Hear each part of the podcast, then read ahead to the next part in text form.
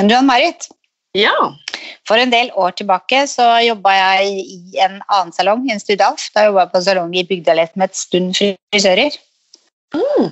Yes, og der gikk det faktisk rykter om at det var uh, gjenferd. Wow. Ja. Og det var så enkelt at det var jo en salong i to etasjer. Og ofte når vi spiste i underetasjen, så måtte vi liksom ned der, for i kjøleskap og hadde sofa og sånn.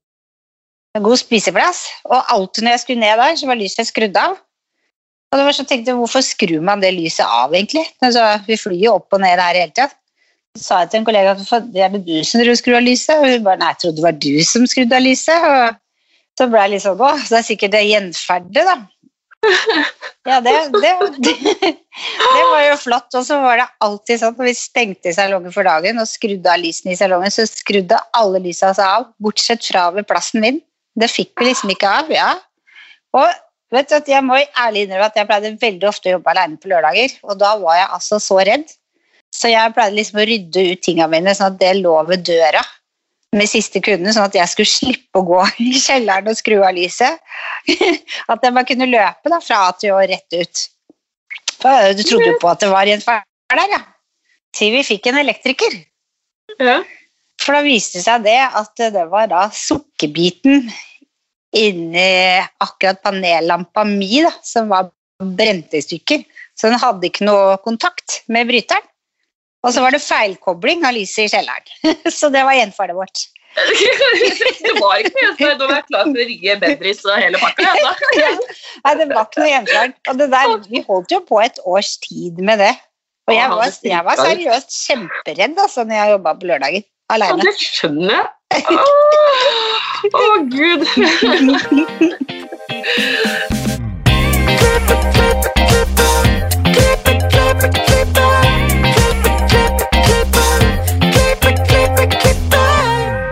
Velkommen til Hårpodden. Jeg heter Ann-Marit. Jeg heter Renate. Ja, hvordan har uka di vært, Renate? Jo, den har vært kjempefin. Jeg har, jeg har begynt å vært veldig glad og bli glad i sånn tekniske ting som jeg har tatt for, for gitt. For vi har jo hatt en runde nå med 17. mai-rush, og da er det fulle lister liksom, i ukevis. Så når kundene ringer på morgenen på telefonen, så er det som dessverre, vi har ikke noe leder fra 17. mai. Og så legger jeg på og skuffer en kunde, og så går det, vopp, så får du en ny telefon, så er det en som avbestiller. Og da er det så fint, for da kan du bare gå inn på telefonen på det digitale og gå inn på forrige mottatte anrop og ringe kunden tilbake igjen og si 'hallo, jeg har en god nyhet til deg'. Og det har jeg faktisk ikke tenkt på før. Men det er jo Smart. ja, Jeg har ikke tenkt på heller. og de blir altså så glad. Vi hadde, jeg hadde en her jeg gjorde med forrige som aldri hadde vært, som har flytta til Fornebu nå nylig. Og hun blei helt over seg over hvor hyggelig, hyggelig det var. Åh, åh, shit, da, sånne ting gjør dagen min, å kunne gjøre noe sånt, liksom, og de blir glade. Ja, Åh, så koselig. Åh, den fantastiske teknologien. ja den er det. Altså. Ja, Vi er heldige som er med på den tida som vi er med på nå. virkelig. For uka di, da? Du, vet du hva, Jeg har lyst til å fortelle deg egentlig om min første litt sånn aha-opplevelse når det gjelder hår. Mhm. Fordi når jeg gikk på makeupskolen, så skulle vi sminke til drag. Mye mm. sminke på en herre, ikke sant? Og jeg hadde en kompis, han var med, hadde, han hadde sånn lang pelskåpe ikke sant? for at du ikke skal se noen former. For dette her var jo type en, ikke eksamen, men en prøve da vi hadde. Og sminka han, og så hadde jeg bare en sånn lang, blond parykk som var litt sånn der, ja, hva skal jeg si, jeg var en veldig sånn flott uh, dame. Og så ombestemte jeg meg i siste lita, og så bytta jeg parykk til en sånn der kort opprulla. Og da var det Frognerfrue med en gang. Og det var sånn, hadde det så mye å si, liksom? Og ingenting annet var jo forandra, det var kun håret. Det, det var sånn fascinerende å ha opplevelse, liksom. Mm. Mm. Ja, hår har jo mye å si. Ja, det har det virkelig. Det, det er derfor jeg synes Det er mange ganger du får eh, jenter i stolene som bare vil ha en kjempestor forandring, men de vil klippe bare én centimeter.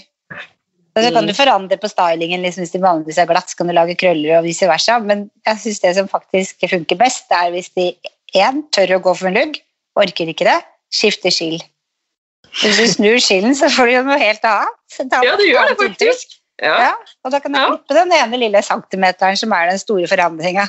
ja. som de har sett for seg. Eller bytte til midtskill. Ja, for eksempel. Ja. Lytte på skillen. Alltid bra tips. Med oss en gjest på Skype i dag. Det har vi. Og dagens gjest er en av landets mest anerkjente makeupartister. Hun startet sin karriere, karriere i London, hvor hun fikk mye kunnskap og erfaring som hun tok tilbake til Norge. I dag driver hun makeupskolen Linda Wickman School of Makeup i Oslo. Velkommen til oss, Linda Wickman. Hvordan starta din karriere? Jo, min karriere den, Jeg vet ikke helt når den startet, men jeg drømte jo om å bli frisør, faktisk. Det er faktisk ikke så mange som vet det, men det er jo det jeg ja, det var det jeg drømte om. Men så var det vel kanskje det at jeg ikke visste så godt at man kunne bli en makeupartist sånn i en alder av ja, seks-syv år, så var det alltid frisør som sto på min liste. Jeg husker jeg hadde en sånn sminkedukke som jeg gredde og tuperte, og hun så jo virkelig ikke ut. Og jeg tok ikke noe sminke i ansiktet hennes, for det fulgte jo alltid med en sånn liten makeup-kit som ser ut som noen bare sånne fargestifter. og husker jeg tok den leppestiften på leppene hennes, og så var jeg ikke fornøyd. Og da gnei jeg det rundt i ansiktet, så da var jo hele dokken helt rosa. Så da fant jeg ut at jeg tenkte ikke noe på at det var en jobb. Men da det var frisør jeg skulle bli. Og faktisk, når jeg var, gikk i niende klasse, så hadde jeg alle valgfagene mine på ungdomsskolen eh, til Adam og Eva. Så jeg jobbet på Adam og Eva i, i Ski. Det er mandag. Ja. Ah, Så i 9. klasse ja, så var jeg allerede en del av Adam og Eva. Det er jo litt funny. Så da var jeg der eh, De syntes sikkert det var veldig deilig å ha meg på en mandag, for da jeg gjorde ikke noe annet enn å vaske og rydde og tørke støv, og så satt jeg på bakrommet og hørte på alt de snakket om. Det var kjempespennende. Og, ja, for dette var jo da tidlig på 90-tallet, så det var jo mye, mye festligheter blant alle de på Adam og Eva da. Ellers så Det jeg syns var det morsomste, var de gangene jeg fikk lov til å vaske hår. Så ja. Men uh, så drømte jeg om å bli frisør, men jeg ble det jo ikke. Men, uh, og det var vel sånn i 16-17-årsalderen hvor jeg møtte også på en venninne som hadde gått på en makeupskole i Danmark. Og det syntes jeg hørtes så utrolig spennende ut. Men så tenkte jeg hvordan kan man jobbe med det, eller er det en jobb, eller ja, Jeg visste ikke så mye om det, for det var jo ingen som var noe særlig makeupartister sånn på begynnelsen av 90-tallet. Det var jo liksom ikke så stort, det. Midten av 90-tallet. Så Men jeg husker når jeg var 17 år, da skulle jeg Da kjøpte jeg Det Nye. Jeg tror det var Det Nye eller noen av disse magasinene. Da skulle de ha en makeup-konkurranse var det da i et magasin. Ja, I det nye så var det en makeupkonkurranse hvor man kunne ta bilde av en kjent person, sminke den og sende den inn, og så kunne man vinne en sånn makeupskole i Sverige. Og Kusinen min lignet på vokalisten i Roxette, så jeg sminket henne og stylet henne og gjorde henne helt perfekt. Og back in the day så hadde man kamera med film, så jeg knipset masse bilder og så skulle jeg fremkalle filmen, og så ble hele filmrullen svart. Nei. Og det var jo da en uke å fremkalle bilder. Nei, nei, nei. Så jeg har aldri vært med på konkurransen fordi jeg starta og fant det ut så sent. Og da kjente jeg at eh, dette var jo virkelig noe jeg hadde lyst til å gjøre. Så da jeg liksom, prøvde jeg å gjøre research og så videre. Og så fant jeg noen Var det en makeupskole her i Oslo? Men den hadde jeg ikke lyst til å gå på. Jeg syns ikke den virket noe Ja. Det var ikke noe for meg, det var ikke noe jeg hadde lyst til å gjøre. Så da gjorde jeg masse research, og til slutt så fant jeg den skolen i London som jeg endte opp med å gå på. da. Så, men jeg har liksom alltid vært mer sånn at jeg, jeg ville ikke begynne i Oslo. Jeg følte at det ikke noe Her var det som jeg ønsket å satse på. Da. Jeg ville bare gjøre noe stort og komme meg ut og ja, finne, finne, min plass og ja, få impulser fra utlandet. Og ja, London var alltid en kjempestor, ja, kjempestor inspirasjon. da. Fra jeg var der første gangen jeg var 16 år, så var jeg der. Og da dro jeg faktisk med min tidligere kollega fra Adam og Eva. Fordi det var en gutt som jobbet på Adam og Eva, så vi ble kjempegode venner. Og ja, vi fortsatte å henge ja, hele livet, nesten. Men uh, i hvert fall han og jeg, vi dro til uh, London. Da var jeg 17 år, og han var noen år eldre. Og han uh, Ja. Og da bare elsket jeg London. Jeg bare Her skal jeg flytte og bo. For det var liksom så mye impulser, og alle kan gå kledd akkurat som du vil. og Det er liksom ikke sånn som i Oslo, alle så helt like ut, alle gikk med de samme skinnjakkene og støvlettene. og Det var liksom ingen som skilte seg ut, hadde sin egen stil eller sin egen makeup. eller Alle var helt like, og det var, ja, det var litt kjedelig å se på. Men da- hvordan, hvordan var det å gå på skole i London? Det må jo ha vært helt fantastisk. Du, det var kjempegøy. Og jeg husker første dagen jeg satte meg ned i klasserommet og møtte læreren min. Hun, eh, så var jeg sånn Åh, dette var helt riktig. Dette var liksom akkurat sånn som jeg hadde sett for meg. Og ja, jeg syns det eh, Det var kjempegøy. Og det var veldig inspirerende. Og hun læreren min da, hun var vel sånn i 60-årene, og hun var jo en gammel makeupartist fra ja, hun hadde jobbet på 70-tallet med BBC, med Benny Hill og hele den pakka der. ikke sant? Og jobbet med ja, Joan Collins, og hun hadde liksom fra hun var ung, og hun hadde liksom så mange historier da, og så mye erfaring.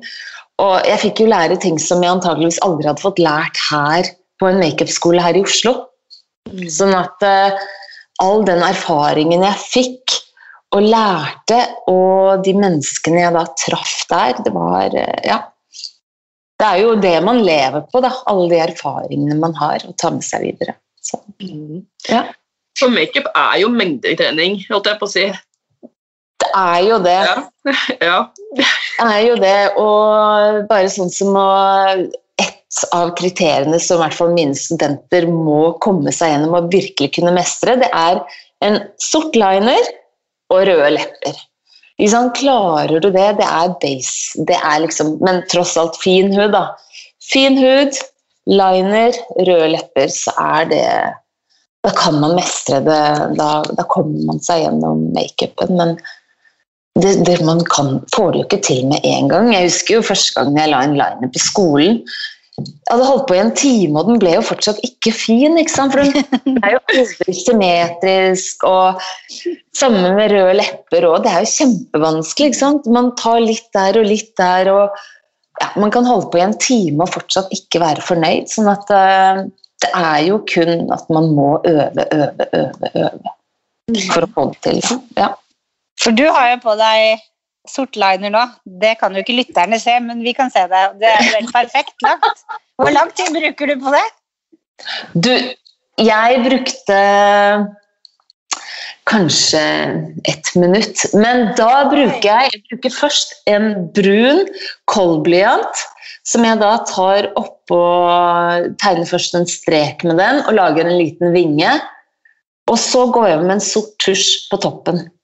Sånn at jeg da får den helt ned i Helt inntil vipperotet. Og så litt maskara. Det er så fint. Det var Ja, fordi, ja, fordi hvis jeg bare tar på f.eks. en blyant For man vil ikke alltid at det skal være så hardt, men allikevel så blunker man bort litt blyanten og blir liksom ikke like skarp som man ønsker. Og hvis jeg kun har sort tusj, så kan den bli litt hard, så det blir liksom en sånn ja, in between. Mhm. Ja, det skal jeg kjøpe meg. kjøp. jeg- Mhm. Ja. Jeg må si, ja, når jeg begynte å bruke liner da, på ungdomsskolen, og så, og så de gjør jo det rett før du begynner, går på skolen, og så ble det feil. Litt tykkere, litt tykkere, og til slutt var hele lokket mitt sort. Men vet du hva, det er virkelig noe alle kjenner seg igjen i. Og det er jo sånn jeg sier til eh, alle elevene mine òg. Begynn, lag en tynn, tynn liner. Fordi den bygger seg opp, og du vet med en gang at har du lagd den ene og legger den andre, så blir den skjev. Og så må man tredje igjen og fjerde igjen, og så blir det bare tykkere og tykkere. Ja, og har man smale lokk med litt tunge øyelokk, så forsvinner lineren helt. Mm. Så ja. ja. Så det er jo at man må kunne liksom lære seg alle ja, øyefasonger og sånn før man også legger en liner. er jo, ja. Det er jo ikke alle øyne som kler den samme lineren heller, så det er ikke Ja. Mm. Kan veldig fin på deg. Tusen takk! Men eh, hvor, hvor lang var den skolen i London? Du, skolen min, den jeg tok, det var eh, mange korte kurs.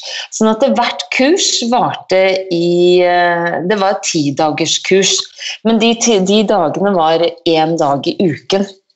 Så det var liksom den måten jeg kunne gjøre det intensivt. Altså jeg tok flere kurs samtidig. Sånn at jeg tok ett kurs i TV-filmmakeup, som varte da i ti uker, men det var jo bare én dag i uken.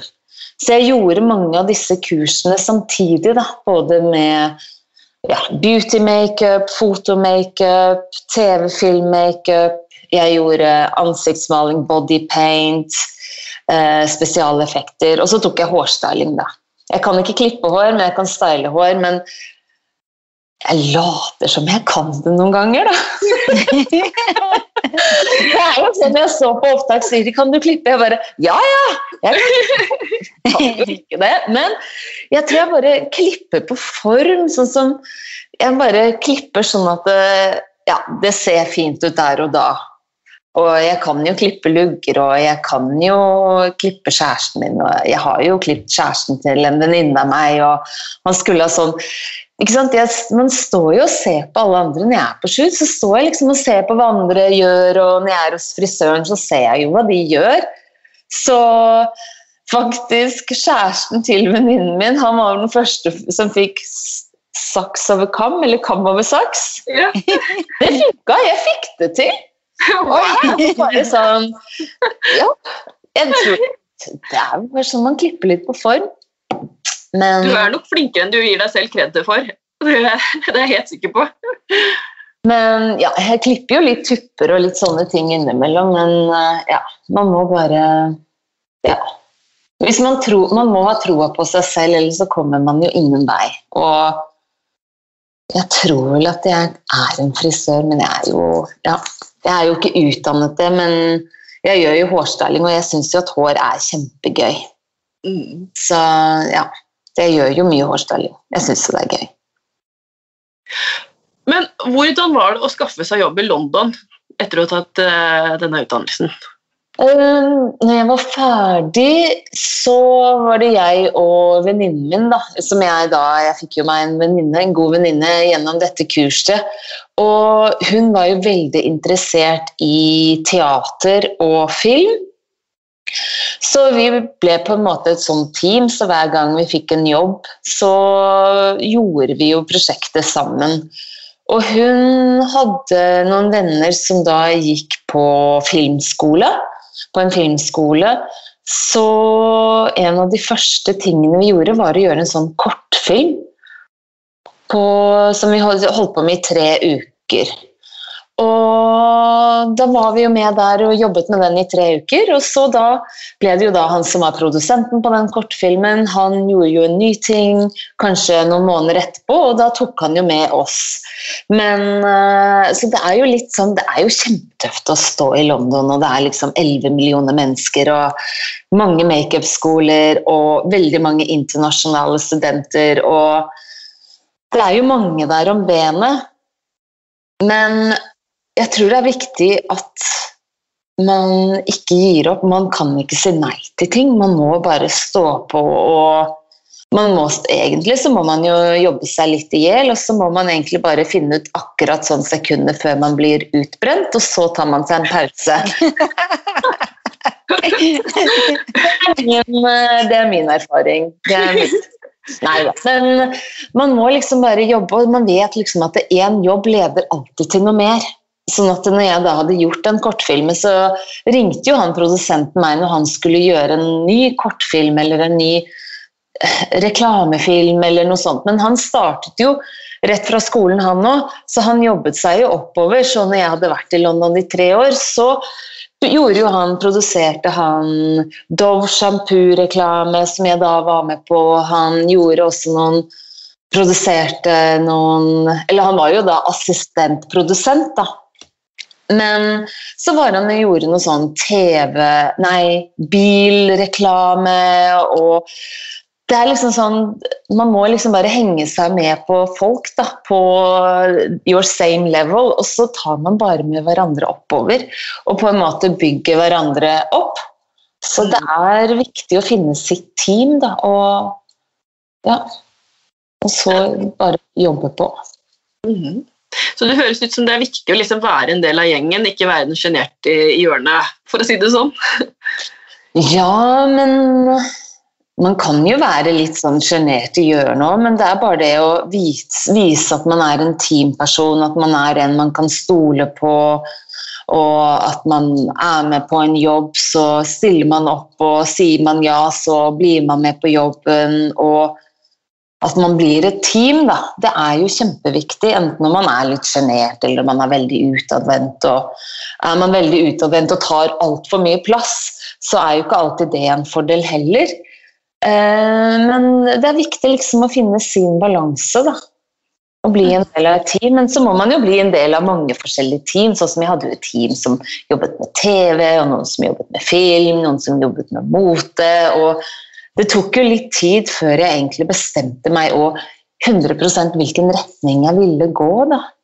For jeg gjorde jo mye sånn film, TV, teater til å begynne med, men etter hvert så var det jo fashion jeg ville gjøre.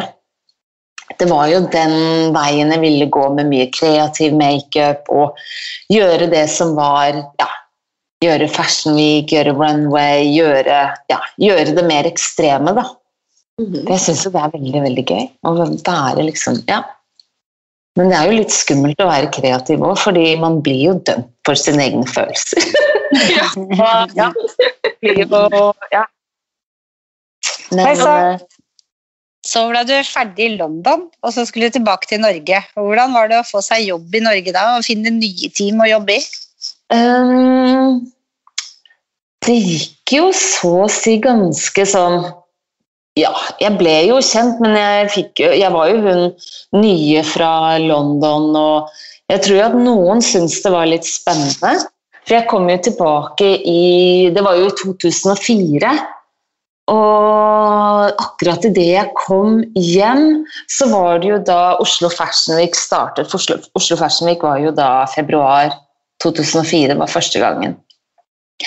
Og da var det helt tilfeldig gjennom uh, noen venner jeg hadde som kjente noen som kjente noen som skulle være med å gjøre makeup på Oslo Fashion Week. Og da fikk jeg være med, og da var jeg med og assisterte de jentene som var der og gjorde makeup. Og, og etter hvert så ble jo da Man blir jo fort kjent med folk, da. Selv om da var jeg liksom hun nye fra London, og ja, det er du fra London, og ja, Så jeg ble jo bare hun fra London. Men moren til en venninne av meg kaller meg bare Linda London. Men uh, ja, man må liksom bare finne sin plass, da. Og jeg syns jo bare å komme i gang med Oslo Fashion Week synes jeg var kjempegøy. og jeg var jo med, har jo vært med hver eneste sesong. Det holdt jo på i ti år. Jeg var jo med hver februar og hver august i alle årene det holdt på. Og Første året så var jeg jo assistent, men neste året så begynte jeg jo å ta over da, som teamleder. Og da var det jeg som arrangerte alle teamene, fikk med assistenter og ja. Så jeg på en måte fikk egentlig min plass relativt fort, men ja, jeg husker ikke helt, jeg. Ja. Men det er, jo, det er, jo, tøft å komme til en helt ny by, og du vet liksom Selv om jeg har jo bodd i Oslo før, før, uh, før jeg flyttet og hadde noen ja, venninner fra tidligere. Men uh, faktisk etter en liten stund så var det jo en venninne av meg som jeg bodde også sammen med i London, en som heter Kine Hartz. Hun er jo nå sjefredaktøren i Costume. Og hun kom jo også tilbake til Oslo ca. på samme tid. Da. Og hun klarte da å lage en egen motestilling i Dagbladet, til magasinet i Dagbladet. Så hun hadde da laget en egen sånn moteplattform der. Og da booket hun jo alltid meg til å gjøre sminke, og da var det Tommy Løland som gjorde styling, og var vi flere forskjellige sånne hårstylister, både fra Dugg og litt forskjellige som da var med og gjorde hår. Så da var det liksom også en måte liksom sånn å få navnet sitt på trykk. Det var liksom det viktigste. Og da bli sett. Sånn at uh, allerede da så tror jeg kanskje jeg ble litt lagt merke til, eller Jeg vet ikke. Ja, Du høres ut som du har den holdninga. Liksom. Vi begynner ett sted, og så bygger det bare videre. Og det høres ut som det er det som Ja, er det. Ja. og jeg husker sånn som når magasinet da ble fem år, så var det jo Kine da som rigget hele Da var det et stort cover med 20 artister som da var på forsiden. Og så var det et stort portrett da med alle disse kjente personene inni. Og da var det jo ja, Kine som rigga i gang med det, og hun sa å Linda, du må være med og gjøre makeup. Og da var det jo flere stylister, flere frisører og flere andre makeupartister som skulle være med. Og dette er jo egentlig litt morsomt, men eh, jeg På det første teamet da, hvor vi alle skulle møtes, så vi, hadde vi fått listen på alle de 20 som skulle være med. Og da var jo jeg hun nye i byen, så jeg fikk jo faktisk den kjipe listen. Jeg fikk ikke akkurat gjøre makeup på de kuleste, fordi det skulle Det var nesten litt sånn hierarki, da. At når noen sa et navn Nei, hun tar jeg, han tar jeg, og jeg bare tenkte ok, hvis det var noen som ikke sa noe, så var jeg sånn ok, ja, men da tar jeg han eller hun. Jeg var bare sånn ok, det spiller ikke noen rolle, jeg får være med. Og så sa de, var det noen som sa Lene Malin. Og så var det noen som sa nei, hun er så vanskelig, å nei, hun er så håpløs, å nei, hun orker jeg ikke jobbe med. Jeg bare tenkte ok, gyllen mulighet, jeg tar Lene. Tar jeg. Jeg og Lene har snakket om dette her, altså, så det er bare ikke noe no hard feeling. Og jeg tenkte ja, ja, men da tar jeg Lene. Og så på selve dagen da, så gjorde jeg makeup på Lene, og hun ble kjempefornøyd. og jeg gjorde det hun ønsket, og det som alltid har vært hennes problem, var jo at eh, hun som artist vil jo da se ut som seg selv. Hun vil ha sånn type øyenskygge, hun ville ha brunsot med en liten liner og ja, sånn og sånn. Så gjorde jeg jo akkurat det hun ønsket, fordi jeg hadde jo da fått beskjed på skolen at når du jobber med artister, så skal de være seg selv. Det er jo de som skal stå på enten en rød løper, være portrettert i et magasin. Det er jo de som skal stå frem. Det er jo ikke da jeg skal begynne å være kreativ. Det må jeg gjøre med en beautyserie for et magasin eller en runway med en designer osv. Så, videre. Så etter eh, det opptaket så kom jo da Lene sin manager bort til meg og spør om navn og nummer. og Allerede noen måneder etterpå så var jeg på Skavlan med henne, jeg har reist verden rundt med henne. Jeg var på en turné, jeg har vært eh, med henne kanskje sånn 20 ganger i Italia bare på et par år. Jeg har reist i Kina, jeg jeg har reist verden rundt med henne. Og så når vi ble litt venninner, da, så fortalte Så begynte jeg liksom å åpne opp. Da, da fortalte jeg Lene at eh, jeg var veldig takknemlig da, for at eh, du var vanskelig å jobbe med. For det er den eneste grunnen til at jeg fikk jobbe med deg, Lene. Fordi at du var vanskelig. Hun bare Ja, men det er fordi jeg visste hva jeg ville ha. liksom. Alle skal begynne å gjøre være kreative og gjøre en annen makeup som ikke jeg vil ha. Så jeg sa, men hun syntes det var litt gøy da, at hun faktisk ble oppfattet da, som hun vanskelig fordi hun visste hva hun ville ha fordi hun ville se ut som seg selv. da. Men eh, ja, men jeg tenker at det er også en sånn fin erfaring. Da. Jeg tenker at Det er liksom noe man alle burde tenke på hvis man jobber med mennesker generelt. Da. Fantastisk ja. historie. Mm. Ja. Jeg blir helt sånn rørt her. ja, men, og da Selene, ja, up yours til de andre makeupartistene som ikke ville sminke deg. da. Ja, mm. ja det er virkelig gått glipp av noe. mm. Og da, var det sånn, da ble jeg jo inn i managementet til Lene, og hun var jo på EMI. Og da begynte jeg etter hvert å gjøre makeup på alle de andre artistene på EMI og på managementet hennes. Så da var jeg allerede makeupartisten som både gjorde EMI og Sony. Sånn at, eh, og da ballet det seg på da, med at jeg gjorde alle artistene. Så da var det liksom ja, den ene etter den andre som jeg jobbet med. Så ja. Det, det, er jo litt det samme som er for frisører. da. Hvis vi bare skal gjøre det vi vil på kundene, så vil jo ikke de gå hos oss. De vil jo bestemme sjøl hvordan de skal se ut. Mm. Det Sant. Det er jo det. Liksom, jeg kan jo spørre skal jeg gjøre sånn eller sånn. Man må jo ha en sånn dialog. Mm. Men hvis jeg sier at jeg vil klippe tupper, så vil jeg jo klippe tupper. Jeg vil ikke klippe av 10 cm f.eks. Eller hvis jeg sparer ut luggen min, ikke klipp luggen min. Eller bare fordi du syns at det er fint, eller at det er en trend.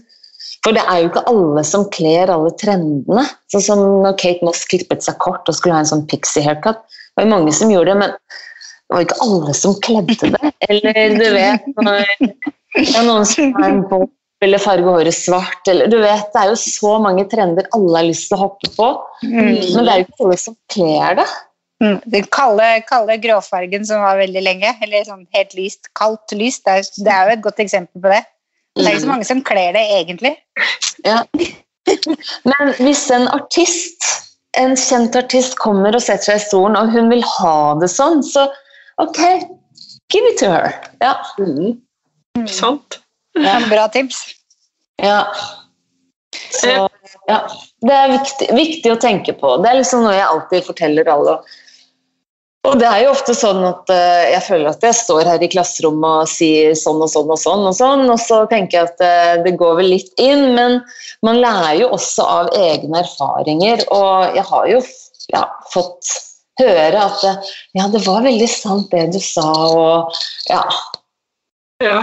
At eh, det er ja, Man sitter igjen med mye ja, masse ja, Jeg har jo masse erfaring som jeg nå man kommer på etter hvert da, når man sitter og går gjennom egentlig helt hele livshistorien sin. Jeg burde vel kanskje ha skrevet en bok, den hadde vært sikkert veldig morsom. Ja, Men Det må du gjøre.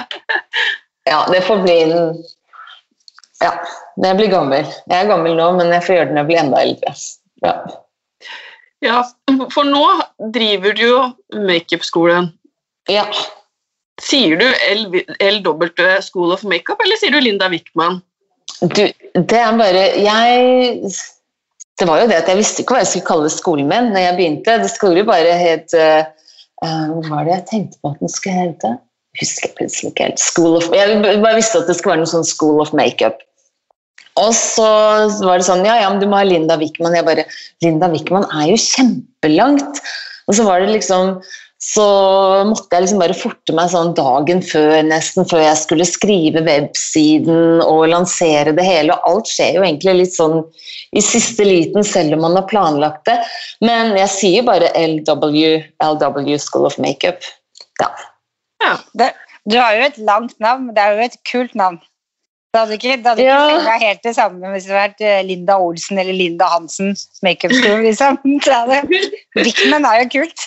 ja, det hadde vel kanskje bare vært Linda School of Makeup, eller bare ikke noe annet. Jeg vet ikke helt, jeg. Men eh, ja, det er jo ikke så mange som heter Wickman. Og faktisk, en ting når jeg kom tilbake, så er det veldig mange makeupartister eller sånn i bransjen som også heter Linda.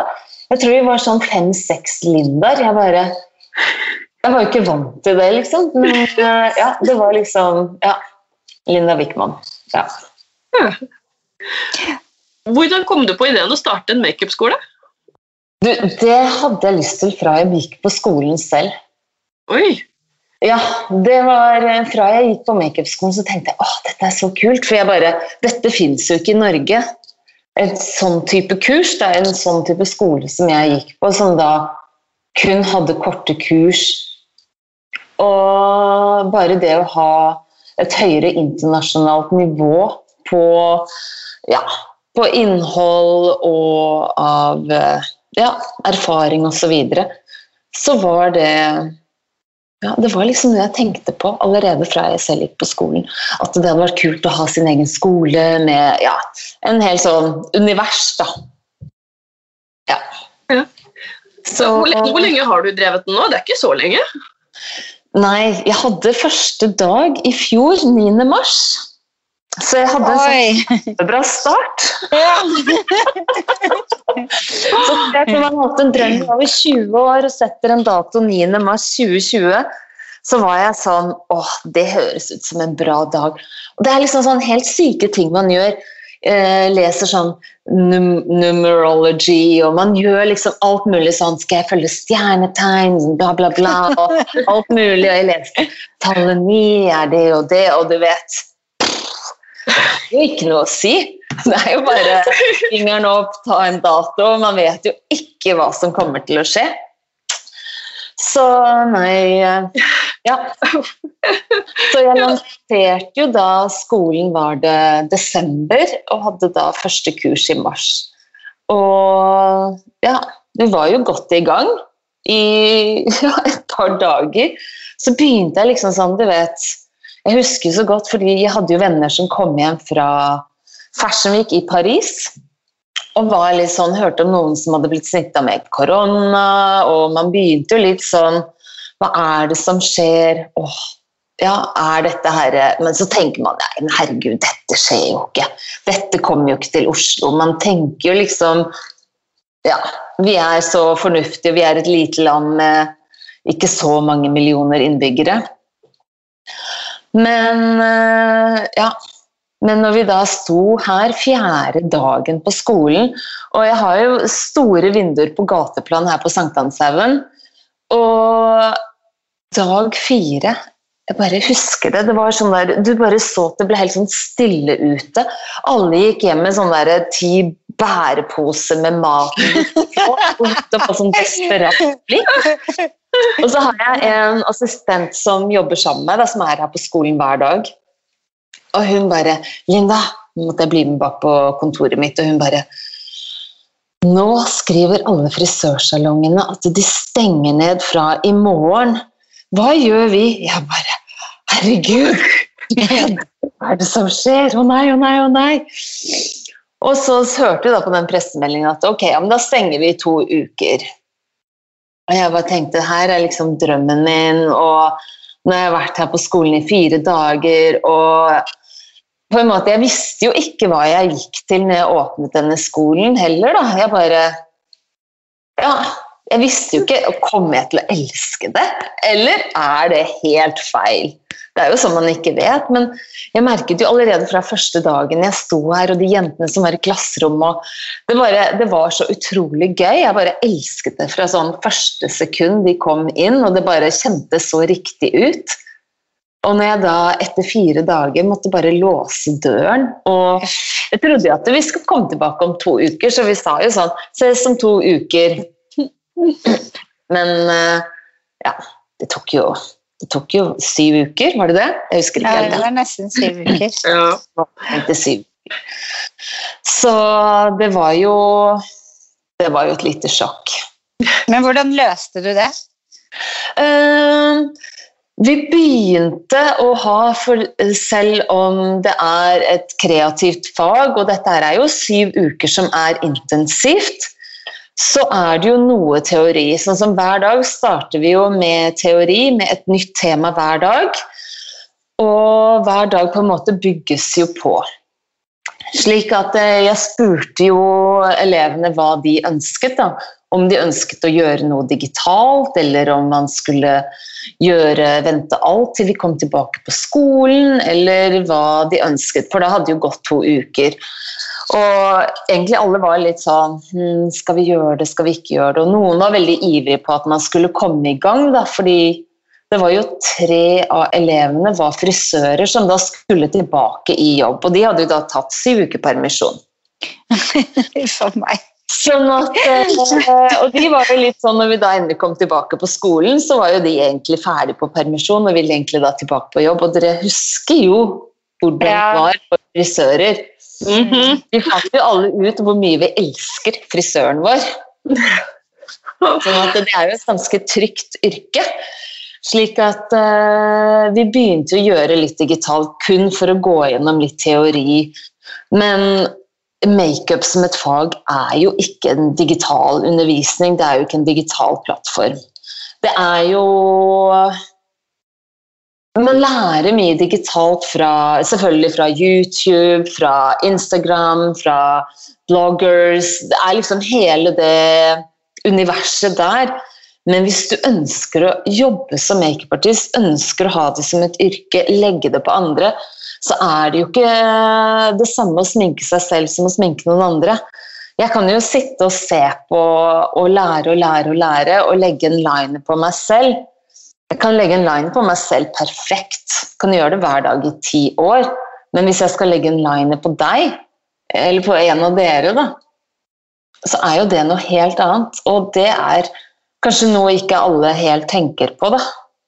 Når de da skal gjøre eksempel, ønsker å gjøre en digital undervisning, eller ønsker å gjøre noe digitalt. Da. Men vi fikk i hvert fall gått gjennom litt teori. Og når vi da kom tilbake på skolen, så bare gikk vi rett på med bare makeup hardcore. Uh, intensiv undervisning. Men det løste jo seg, det. Vi hadde jo masse teori digitalt. Men uh, man mister jo man mister jo den der piffen av når man sitter i et klasserom, man har den dialogen, åpen dialogen, enn når alle sitter på mute og ikke kan si noen ting og er litt sånn Ja, dere må bare holde dialogen i gang, og så er det plutselig én som trykker unmute, og så Kanskje noen andre syns at det var et dumt spørsmål og syns at det forstyrrer. Og nei, nå går vi over den tiden og ser på klokka, og bare Og så var det plutselig ja, Man blir jo distrahert, plutselig får man en tekstmelding, og så var det plutselig et eller annet på Instagram, og så har man jo dekket ut av hele den Ja, det man nå er midt i, da. Og når man da har et syv ukers intensivkurs, så er det liksom da den teorien på morgenen, min demo, og de legger makeup på hverandre.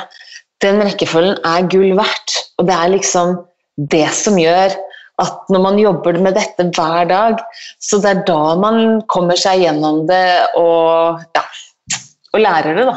For det er jo det som er ja, viktig. Men ja, vi kom oss gjennom det, og jeg har kommet meg gjennom tre kurs gjennom uh, koronaen nå, så jeg er kjempefornøyd. Bra. Tross alt. Ja. Ja, det Tross var alt. flaks, virkelig. Hvor mange, hvor mange elever eller studenter er det du kan ha samtidig? Eh, jeg har jeg har tolv plasser her. Så det er tolv stoler og speil, men jeg har liksom en maksgrense på ti, fordi jeg føler at ti er et bra nummer. På min skole så var vi eh, Det var liksom forskjellig fra kurs til kurs. Noen var det ti, og noen var det opp i 16. Og jeg syns jo at de kursene hvor det var plutselig 16 elever, jeg synes at det var litt mye, for det var så kjedelig å stå og vente på å få hjelp. Og da var det jo kun én lærer. Sånn som her, så har jeg også med meg en assistent som også er med og hjelper til gjennom hele dagen. For når man står og ikke får til en liner, så trenger man å få hjelp der og da, ikke stå og vente i 20 minutter eller et kvarter. Eller. Man trenger liksom å ha det gående, da. Mm. For å holde seg inspirert og in the flow, da. Så ti elever er maks. Men selvfølgelig eh, når jeg hadde kurs i august, så måtte jeg jo da ta bort noen stoler for å få litt mer avstand. Så da var vi åtte elever, sånn at vi kunne sitte litt mer annenhver en. Jeg har jo et sånn stort bord her hvor jeg da hadde en åpen plass imellom, sånn at det var litt sånn åpne plasser imellom. Og det funket kjempebra. Men det siste kurset jeg hadde nå, så måtte jeg pga. alt var rødt nivå det var, Hadde vi visst for et år siden at det blir verre om et år, så hadde det ikke vært så veldig gøy. Men, øh, men jeg da hadde kurset nå i, i februar-mars og gikk over i april, så hadde vi da kun seks elever, så da måtte jeg jo halvere. Så da ble det jo mye færre elever. Mm. Men de som var her, var jo kjempefornøyde. De bare 'Å, yes, er vi bare seks? Da får vi enda mer'. Ja. Mm. Vi får jo bare meg og min assistent dobbelt så mye, da. Men da måtte vi jo sitte her. Vi satt jo med tometeren og ja. Måtte få godkjenning av kommunen at det kan vi fullføre, og du vet. Det er Ja. Men det går. Jeg finner alle løsninger, og man får jo hevet seg rundt og Ja. Jeg hadde lov til å drive skolen, og vi var eh, Så lenge man liksom var under det store antallet Da hadde jeg vært en større Hadde jeg vært en stor fagskole, så hadde jeg ikke fått gjennomført med elever i klasserommet. Og hadde man måtte måttet holdt dette digitalt, det hadde ikke gått. Så det var eh, Ja. Det gikk. Man finner alltid, man finner alltid en løsning på det. så det var eh, Ja. Det var kjempegøy. Så jeg håper Nå har jeg jo et nytt kurs i august. 23. august så begynner det et nytt kurs. Og jeg håper jo at alle har fått vaksine, og at man liksom er eh, Ja. ja, at det da er all good. Men hva er det man lærer? Man lærer Ja. Eh, jeg kan jo si disse syv ukene, så er det jo Den første uken så er det jo på en måte hele innføringen av Eller de to første ukene. De to første ukene så blir liksom satt av til å bli kjent med hud, gjøre hudpleie. Man må jo vite om de forskjellige hudtyper og hudtoner, for det er jo så utrolig mange fargetoner. Man må jo kunne gjøre makeup enten om du er lys eller mørk eller medium, caramel eller asian eller Uansett hva man er, så må man jo kunne mestre alle hudtoner. Og det er mye fokus på ja, hvordan et ansikt ser ut, øyefasonger. Man lærer da de to første ukene, så er det liksom alt den basic grunnteorien. Vi har fargelære, vi har ja, hva som, hva som man kler, da. Og inn i den Og så avslutter vi da den andre uken med å gjøre dagmakeup til kveldsmakeup. Man gjør smoky eyes med forskjellige teknikker. Det er ja, litt sånn basic ting. Og så tredje uken så går vi over til makeup-historie. Da begynner vi allerede fra Kleopatra-tiden og legger Kleopatra-makeup. Vi har om eh, dronning Elisabeth og Marie Antoinette og hele den makeup-historien. Og hvordan ja, man hele ja, hvordan man begynte å legge makeup. Og det var jo Kleopatra som begynte også å legge makeup for 5000 år siden. Og de brukte jo koll, de satt jo med kull og moste og tok i oljer, og du vet det er jo ganske fascinerende, da. Og bare Kleopatra, når hun skulle ha De hadde jo til og med gull, og de hadde glitter. Da tok de jo biller som de knuste opp og blandet med oljer for å bruke som glitter på øynene. Så det er jo ganske sånn Det er jo en helt sånn amazing makeup-historie som man eh, skal igjennom. Og så har man jo alle epokene 20, 30, 40, 50, 60, 70, 80-tallet. Og det er jo mange som ikke helt skjønner vitsen med hvorfor man må lære epokene. Noen syns at makeup-historie er kjedelig, men jeg tenker jo mer man ønsker å sette seg ting inn i ting, da, så er jo makeup-historien utrolig viktig. Og ja, bare det å vite hvordan man hadde brynene på 20-tallet, hvorfor hadde man en liten leppe når begynte man å bruke løsvipper? Hva er den klassiske 50-talls-makeupen? Det er jo sånn man kan sitte i et jobbmøte, og så sier plutselig regissøren du, jeg vil at eh, hun skal ha en sånn klassisk 50-talls-makeup. Det er ikke alltid man har tid til å bla opp telefonen sin, google 50-talls-makeup, classic ja. Så det er bare sånn viktige ting da, som man eh, burde ha som en sånn gjennom, Eller som man må kunne, da. Mm.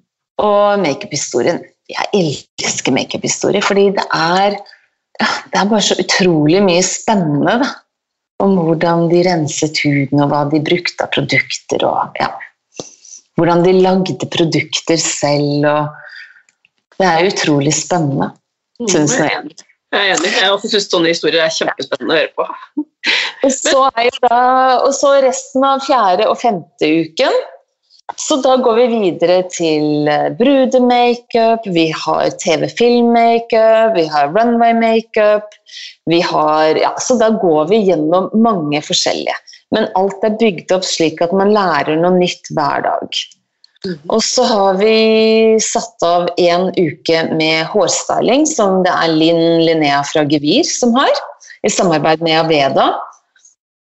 Så hun har da fem dager med sånne basic teknikker med føne, flette, oppsett, slik at man også får blandet inn ekstra med hår. Jeg kunne jo ha gjort det selv, men jeg syns jo at Linda, nei, Linn er enda Jeg syns hun er kjempeflink og ekstremt dyktig. Og hun er jo en frisør i bunn og grunn, noe som ikke jeg er. Så ja, jeg syns i hvert fall Linn er utrolig, utrolig flink. Og for ti år siden så var hun faktisk med og assisterte meg litt også, så det var ja, før hun da joinet Gevir-teamet. Og, så det syns jeg fungerer kjempebra.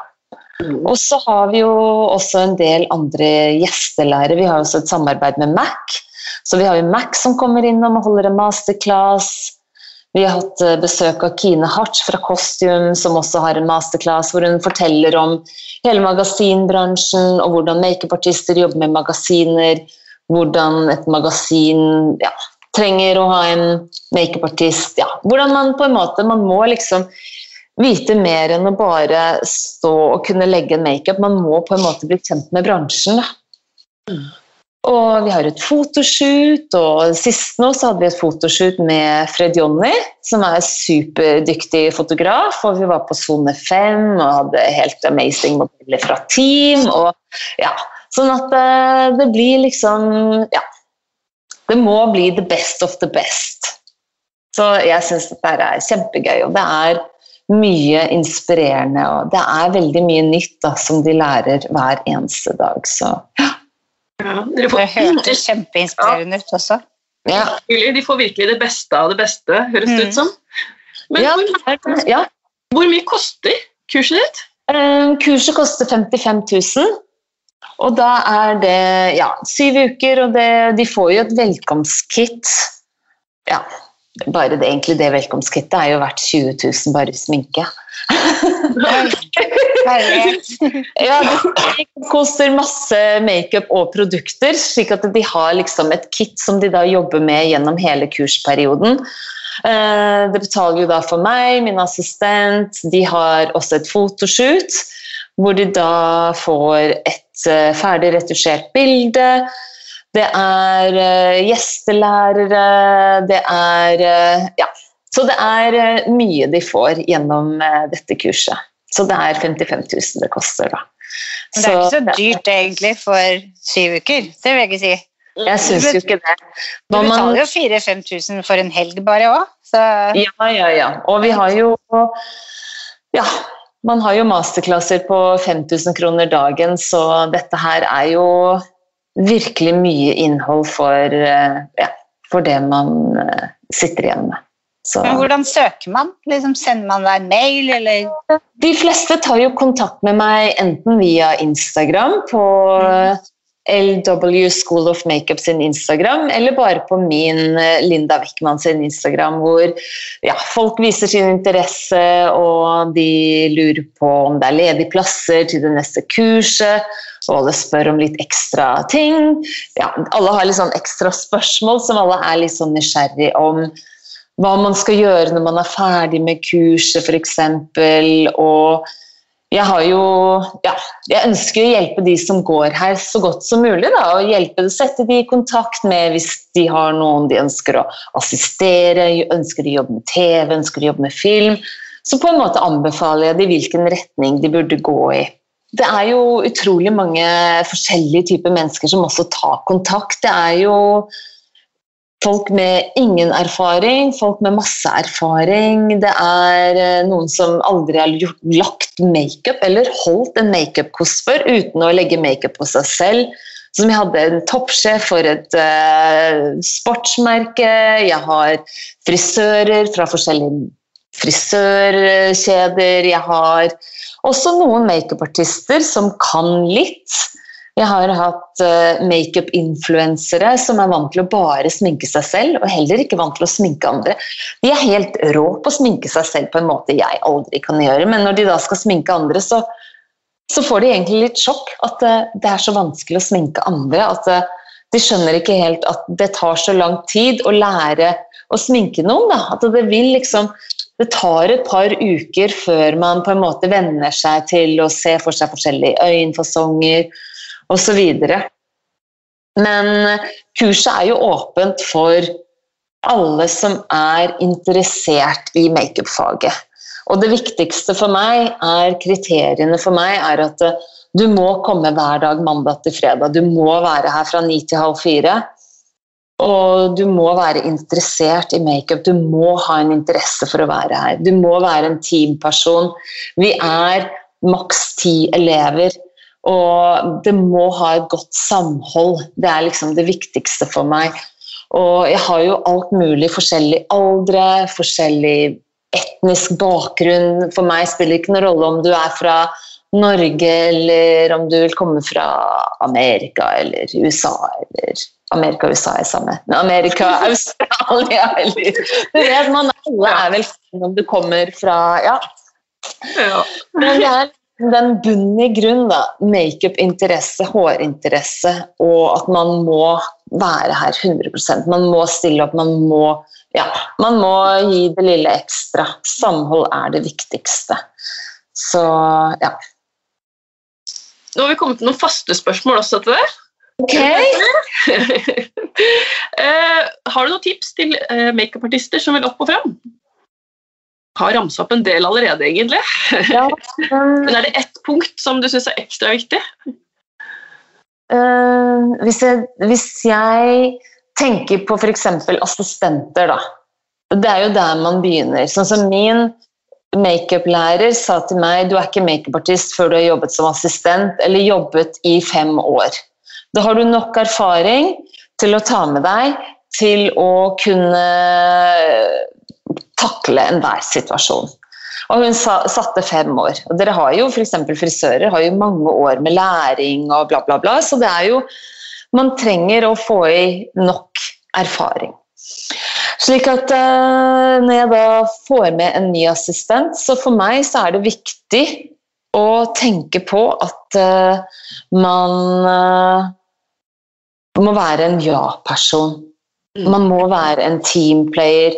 Man er både små team, spesielt nå under korona hvor man ikke kan være store team. Da. Så legger man ekstremt merke til hvis det er en som bare sitter på telefonen eller ikke tar eh, del i, eh, del i teamet. Da. Sånn som jeg er jo makeupartist, men står fotografen der og strever, så går jeg bort og holder reflektoren hennes. Det er liksom sånn Jeg gjør jo sånn. Herregud, må, er modellen tørst? Jeg løper og henter en flaske vann til henne. Jeg har jobbet i over 20 år, men det spiller jo ikke noen rolle hvem man er. Man må bare jobbe sammen i et team. da.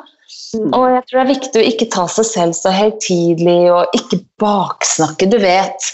Det er liksom bare litt sånn, ha litt sosiale tenner og ja.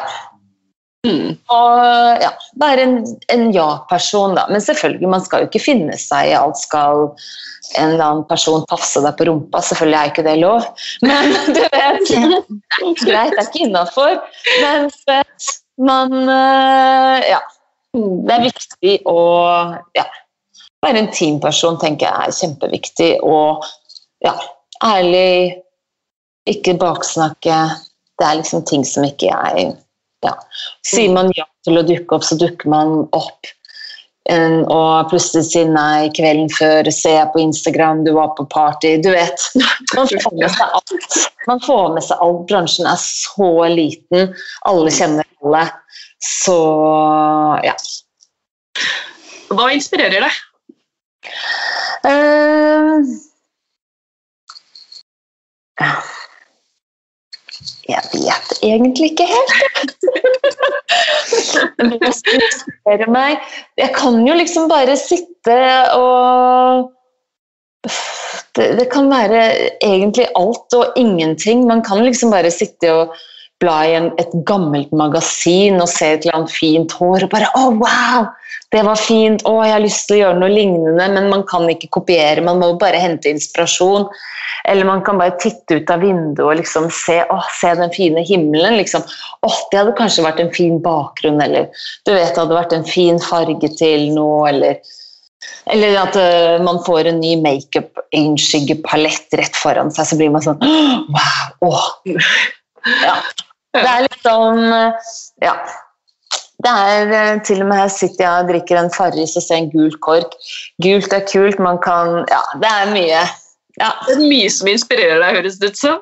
Jeg tror man ikke må sette noen sånne begrensninger på hva som er lov og ikke lov, liksom. Det er Man må bare Ja. Man må bare tørre å ikke være redd. Og jeg ser jo det på skolen nå, de gangene hvor elevene får veldig sånne åpne, frie oppgaver, så er det alltid veldig vanskelig. For da har man så mange valg.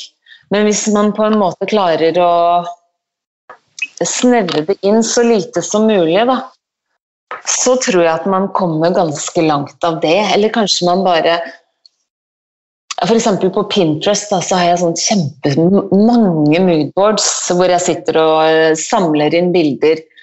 Og man kan jo samle inn f.eks. 100 bilder som inspirerer en. Og så må man på en måte bare bla igjennom og finne de én-to bildene som kanskje har noen farger man liker. Kanskje det er en sånn pastellfarge, rødt, sort. Det kan jo også være en stemning. Det kan jo også være at man har kjærlighetssorg, eller at man har mistet noe nær, eller Ja, det er jo livet da, som inspirerer oss. Har man opplevd noe fælt, så kan man gjøre en beautyserie med svart og øh, tårer og glossy hud og svart makeup som bare renner. Og at man kanskje må få ut en eller annen sånn tragedie for å komme seg videre. Og så, ja, neste shoot så er det oh, gorgeous, flowy pastels and bla, bla, bla. I don't know. Hvis du kunne Veldig mye. det er veldig bra. Eh, hvis du kunne forandra noe med frisør... Nei, hvis du kunne forandra noe med makeupbransjen, hva skulle det vært? Um, forandra noe med makeupbransjen? Tenker du da på mennesker eller produkter eller Hva som helst.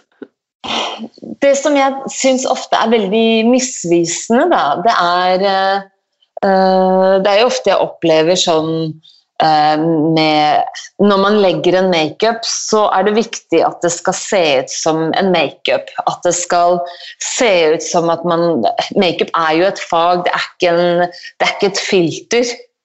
Hvis du skjønner, da.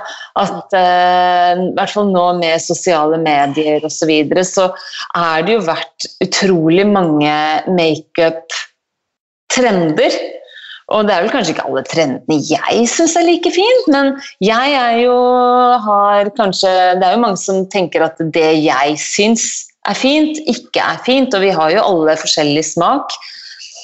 Men jeg syns jo det at alle skal se ut som Kim Kardashian, jeg syns at det blir litt kjedelig. At alle skal se helt like ut. Jeg syns det er gøy å se Jeg tenker at når jeg flyttet til London, og alle var spesielle, og alle var unike, alle var forskjellige, og man kunne gå ned gaten, og ingen var like. Jeg syns at det er inspirerende, og jeg syns at det er unikt. da. Og jeg blir jo glad når jeg ser noen som går bortover gata med en blå liner og en lilla maskara. blir jeg sånn åh, ja, så kult! Istedenfor at alle er masse, har masse solbrun Har masse self-tan som er flekkete og oransje. De har en foundation som ikke matcher, man har altfor mye konturering. Man vet nesten ikke helt hvem det er, fordi man ser ti gjester stå ved alle er helt like. Og jeg tror bare at at folk er forskjellige. Da. At man tør å være seg selv og ikke måtte være Kim Kardashian og se ut som henne. Jeg syns jo at hun er dødspen. Hun er jo så vakker. Jeg skjønner jo at alle vil se ut som henne. Hun er jo ja, skikkelig vakker, men ja. Ja. Men jeg tenker at sånne kontureringstrender Det er jo lett å hoppe på de, f.eks. når man ser uh, en YouTube-video med en som legger konturering, så kan de jo plutselig se kjempebra ut på Instagram fordi at de har på et eller annet filter. Og, men hadde du sett de sånn in real life, så er det kanskje ikke like fint, da. Men ja, det er jo smak og behag. I don't know. Jeg er kanskje old school. I don't know. Til slutt, hvor finner vi deg og skolen din på sosiale medier? Mm, eh, vi har Instagram, som er eh, at LW, School of Makeup. Og så er det at Linda Wickman. Og så har vi jo websiden, da. lwschoolofmakeup.com. Så der finnes jeg. Og det er bare å Der finner man e-posten min, man kan sende meg DMs, man kan Ja. Bare tusen, tusen, tusen, tusen hjertelig takk til deg, Linda, og alt, inspirerende du har fortalt i dag. Gi oss gjerne stjerner på iTunes, eller følg oss på sosiale medier, og så høres vi neste uke. Ha det bra!